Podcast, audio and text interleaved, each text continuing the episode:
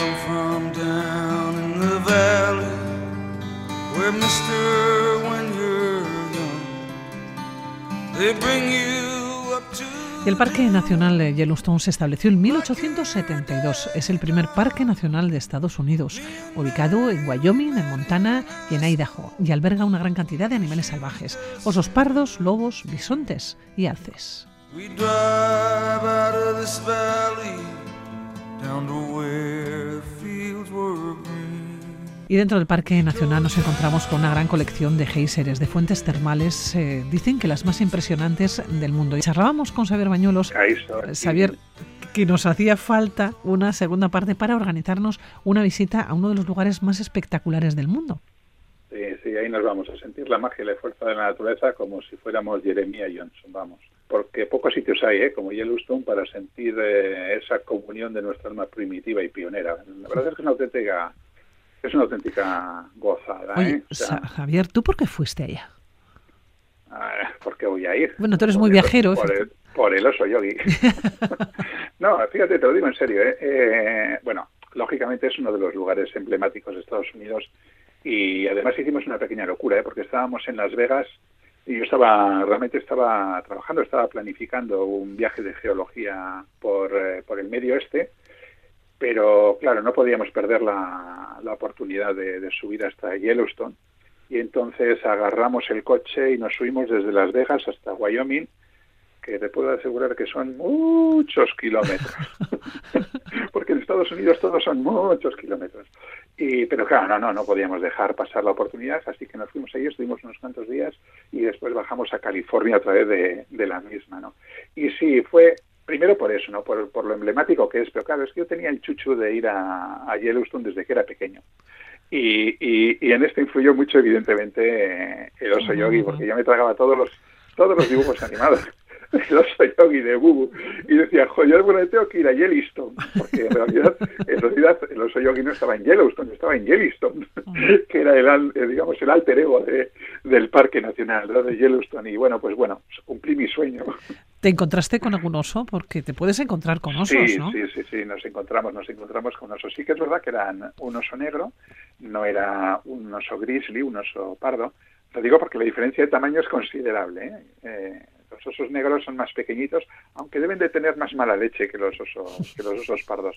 Pero bueno, guardando las distancias y siendo precavidos, en principio no tiene, no tiene por qué haber ningún problema. Bueno, nosotros llegamos allá y una gran cantidad de senderos eh, para hacer de pie, de distinta dificultad y duración, pero claro, hoy vamos a dividir el parque en dos zonas.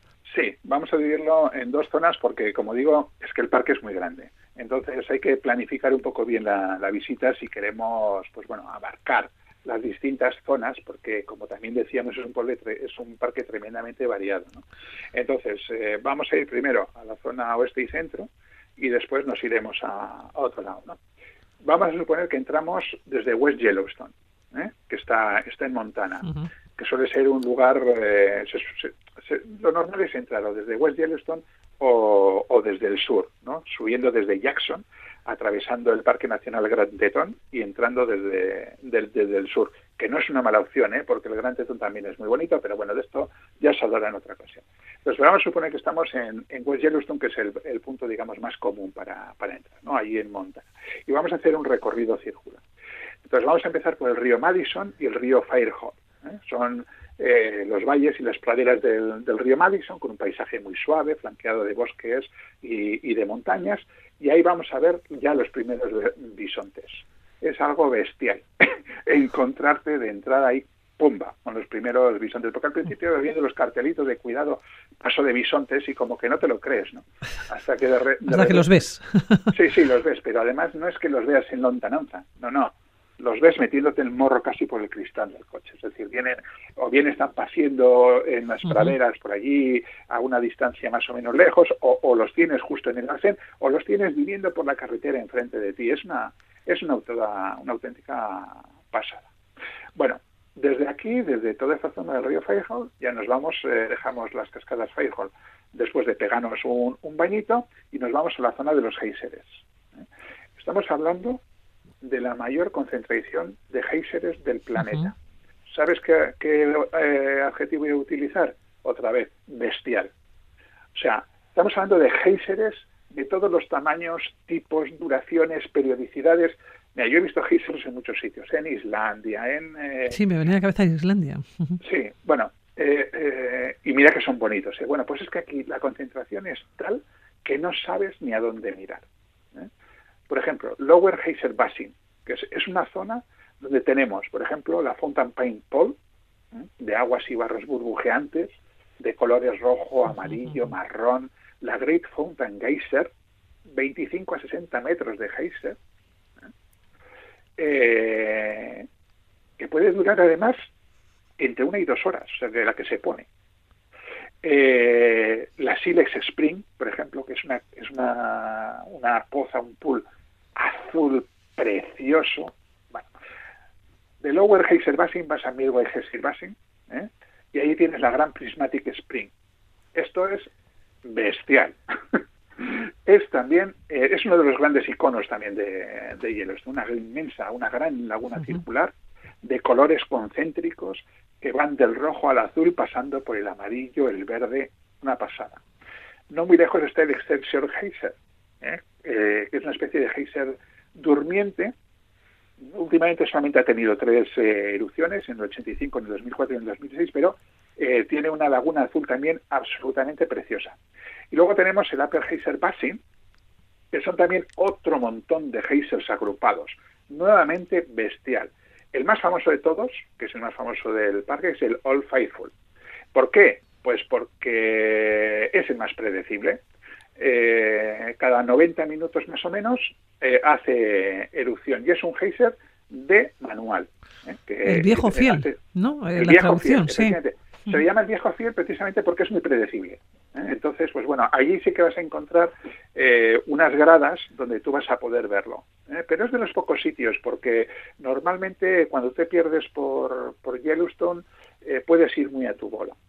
Aunque sí que es verdad que si vas en verano vas a encontrar bastante gente en, el parque. Pero bueno, siempre hay, zonas donde perder. Bueno, después tienes el Riverside Geyser, que a mí personalmente es el que más me gusta. Eh, no es que sea muy muy grande, apenas son 23 metros, fíjate, el Old Faithful llega hasta los 60, este llega a 20 y más o menos cada 20 minutos erupciona, pero es muy bonito porque eh, es eh, parece el chorro de un de un cachalote, ¿no? Sale hacia un lado y está justo encima del río, con lo cual es muy bonito. Bueno, luego tienes el Castle Heiser, el en fin, hay, hay más. Y luego hay una, hay una pool eh, que a mí personalmente me tiene enamorado, me parece una de las pools, quiero decir, una, una lagunita, es casi una charca, porque es pequeña, que es el Morning Glory Pool. De verdad que estoy enamorado de eso. Es, es preciosa. Unas aguas súper transparentes, amarillas y verdes. Eh, bueno, hay que decir que, que todas las lagunas eh, termales tienen unos colores increíbles, ¿no? Y que se deben, bueno, básicamente se deben a microorganismos termófilos, ¿no? Claro, hay que, ir con tiempo, hay que ir con tiempo para sentarse y para estar presenciando, ¿no? Las vistas que podemos tener, y a veces para y a veces para esperar un poquito también para que erupcione el geyser. en el centro de visitantes te dan más o menos una orientación de las horas a las que pueden ir, eh, pero claro, los geysers son muy caprichosos y sí, son 90 minutos, pero también puede, pero nota que se, se ha puesto vago y en vez de 90 han sido 120, en fin. Entonces pues, hay que ir con un poquito de calma y, esperar, porque a veces hay que esperar. Hay algunos que son muy regulares, ¿eh? como decimos, el Old Faithful o el mismo Riverside, Riverside Hazer. ¿No? Eh, lo que pasa es que muchas veces tú te pones en Riverside Hazer, te pones a ver y erupciona una vez, y esperas 20 minutos y erupciona otra vez, y esperas otros 20 minutos y vuelve a erupcionar, y no te cansas de verlo, porque es una, pasada. Pero tenemos que seguir el camino, dejamos los géiseres, seguimos y nos vamos a ir acercando como hacia el norte, ¿no? Eso es, al norte del lago Yellowstone. ¿eh? En la zona de Westum y Grand Village, ¿no? donde está el centro de, visitantes, y bueno, hay una zona, una zona de pozas muy bonita a la orilla de, del lago, ¿no? Y allí está concretamente una, que es la más profunda del parque, tiene unos 16 metros, que es la Abyss Bueno, luego está el Lake Village, eh, Bridge Bay, el Fishing Beach, y luego hay unas, eh, desde esta zona hay unas eh, increíbles vistas del lago, que es, creo que lo decíamos la semana pasada, es el lago de montaña más grande, de, Norteamérica, efectivamente, ¿no? Y es un buen lugar para ver águilas, tanto ver águilas pescadoras, el osprey, que le llaman ellos, como el águila, el águila calva. Y luego de aquí subimos hacia el norte, por Hayden Bailey, siguiendo el Yellowstone River, para ver las piscinas sulfurosas, las pozas de barro de Mud Vulcano y Sulfur Caldron, y ya llegamos a Canyon Village, ¿eh? que es el cañón del río Yellowstone, precioso, un precipicio eh, bastante profundo, hombre, no es el Gran Cañón, pero bastante profundo, estrecho, lleno de chimeneas de, de hadas, que ellos le llaman judús, ¿no? y con dos, con dos preciosas cascadas, la Lower Falls, de 94 metros, y la Upper Falls, de 33 metros. Y luego, bueno, tienes un montón de miradores en los cuales, pues bueno, te puedes quedar ahí tranquilamente admirando el paisaje y, los pájaros, bueno, los pájaros, las aves volando, pues no sé, el Artist Point, Inspiration Point, no sé, miradores que es una auténtica, una auténtica preciosidad. Y de ahí nos vamos hasta Norris, que es otro de los grandes espectáculos de, de Yellowstone, lo que llaman el Norris Heiser Passing, que también es bestial. Como ves, estoy utilizando mucho el, el, adjetivo. Porque sí, porque además todo es, todo es muy grande. Todo es inmenso, es decir, que cuando hablamos de los geysers, pues hablamos igual de los más grandes del mundo, que si hablamos sí, algunos, del parque, de ellos sí. Claro, entonces no, nos encontramos con situaciones o con lugares ¿no? que son tan, tan amplios o tan grandes en, ningún otro lado. Llegamos ya al norte del, de Yellowstone y allá, claro, ¿qué tenemos que seguir o cómo tenemos que seguir para poder ver o, hacernos una idea ¿no? de lo que supone un lugar que por lo menos tenemos que estar mínimo cuatro días ¿no? para hacer las diferentes partes del parque. Sí, eso, eso como mínimo. Una, una semana yo creo que es mejor que cuatro días, pero como mínimo cuatro. Bueno, esta es la segunda zona en la que dividíamos la, visita. Y aquí nos vamos a ir a ver el río Gardiner, eh, Hot Spring, Blacktail Deer Plateau y eh, la Tower Roosevelt y el Valle de la Mar. Bueno, en el río Gardiner, ahí tenemos el Robbie Mountain, que es una pared blanca llena de fumarolas, que es una pasada.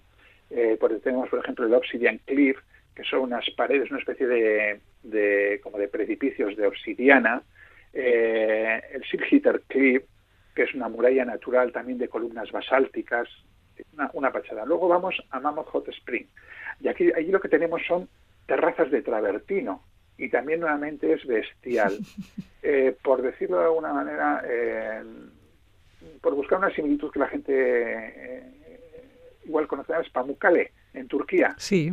¿Eh? Bueno, pues esos son también terrazas de travertina. Pues lo mismo las tenemos en, allí en Yellowstone. Bien es verdad que allí no se puede uno bañar en, en Yellowstone, pero bueno, en cualquier caso, son eh, el agua viene cargada de carbonato cálcico y entonces va cayendo, va cayendo en terrazas, este carbonato se va depositando eh, creando esto, esta especie de, balconeras en forma de cascadas que tienen los perfiles muy suaves, con formas sinuosas y redondeadas, todas de colores pastel, eh, una auténtica preciosidad. Bueno, de allí nos vamos al Blacktail Deer Plateau y a la, Tower Roosevelt, donde están las cascadas Udine y Wright, el lago Phantom, eh, el árbol petrificado, y luego nos vamos a todos los sitios también desde mi punto de vista más emblemáticos y más bonitos de, Yellowstone, que es el Valle de Lamar.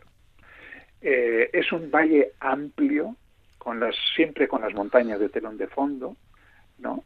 Pero es que además eh, de lo que digamos sería su, su belleza, porque realmente es un sitio muy, muy bonito, eh, tiene la, la, cosa de que es el mejor sitio probablemente para ver grandes mamíferos. Si quieres ver lobos, si quieres ver alces, si quieres ver ciervos, guapitis, si quieres ver berrendos, si quieres ver bisontes, si quieres ver osos, eh, yo creo que el Valle de la Mar es el lugar más, más indicado, sobre todo para ver lobos, porque los lobos llegaron a desaparecer de, de Yellowstone. Hubo también una matanza indiscriminada, en este caso porque lo consideraran alimaña y fue una matanza más subvencionada por el, por el Estado desde 1914. ¿no? Entonces prácticamente desaparece de todo Estados Unidos hasta que se prohibió su caza en 1935. Pero para los, lobos de Yellowstone para entonces ya era tarde, ¿no? El último se había cazado en 1925 y bueno, Afortunadamente, en el 73 se declaró espacio protegido y en el 94 se empiezan a reintroducir. Oye, Concretamente, 30 lobos eh, de la zona de Mackenzie, canadienses, y de ahí comienza la, recuperación. ¿no? Y hoy hay, hay unas poblaciones estables, bastante majas de lobos, que no son difíciles de ver si uno tiene un poquito de paciencia, sobre todo allí en el Valle de la Mar. Bueno, has hablado entre cuatro y siete días para poder ver, ¿no? Para poder situarse. Claro, ¿dónde, ¿dónde podemos dormir dentro del parque? Eh, bueno, pues mira, eh, podemos dormir fuera del parque, en, eh, por ejemplo en West Yellowstone, y entras y sales del parque sin ningún problema todos, todos los días. Y dentro del parque tenemos 12 campings con servicios muy básicos. Y, de ellos además solamente 5 admiten reserva. Los otros, lo que es lo que ellos llaman llegar, el que primero llega tiene plaza, claro. coge plaza.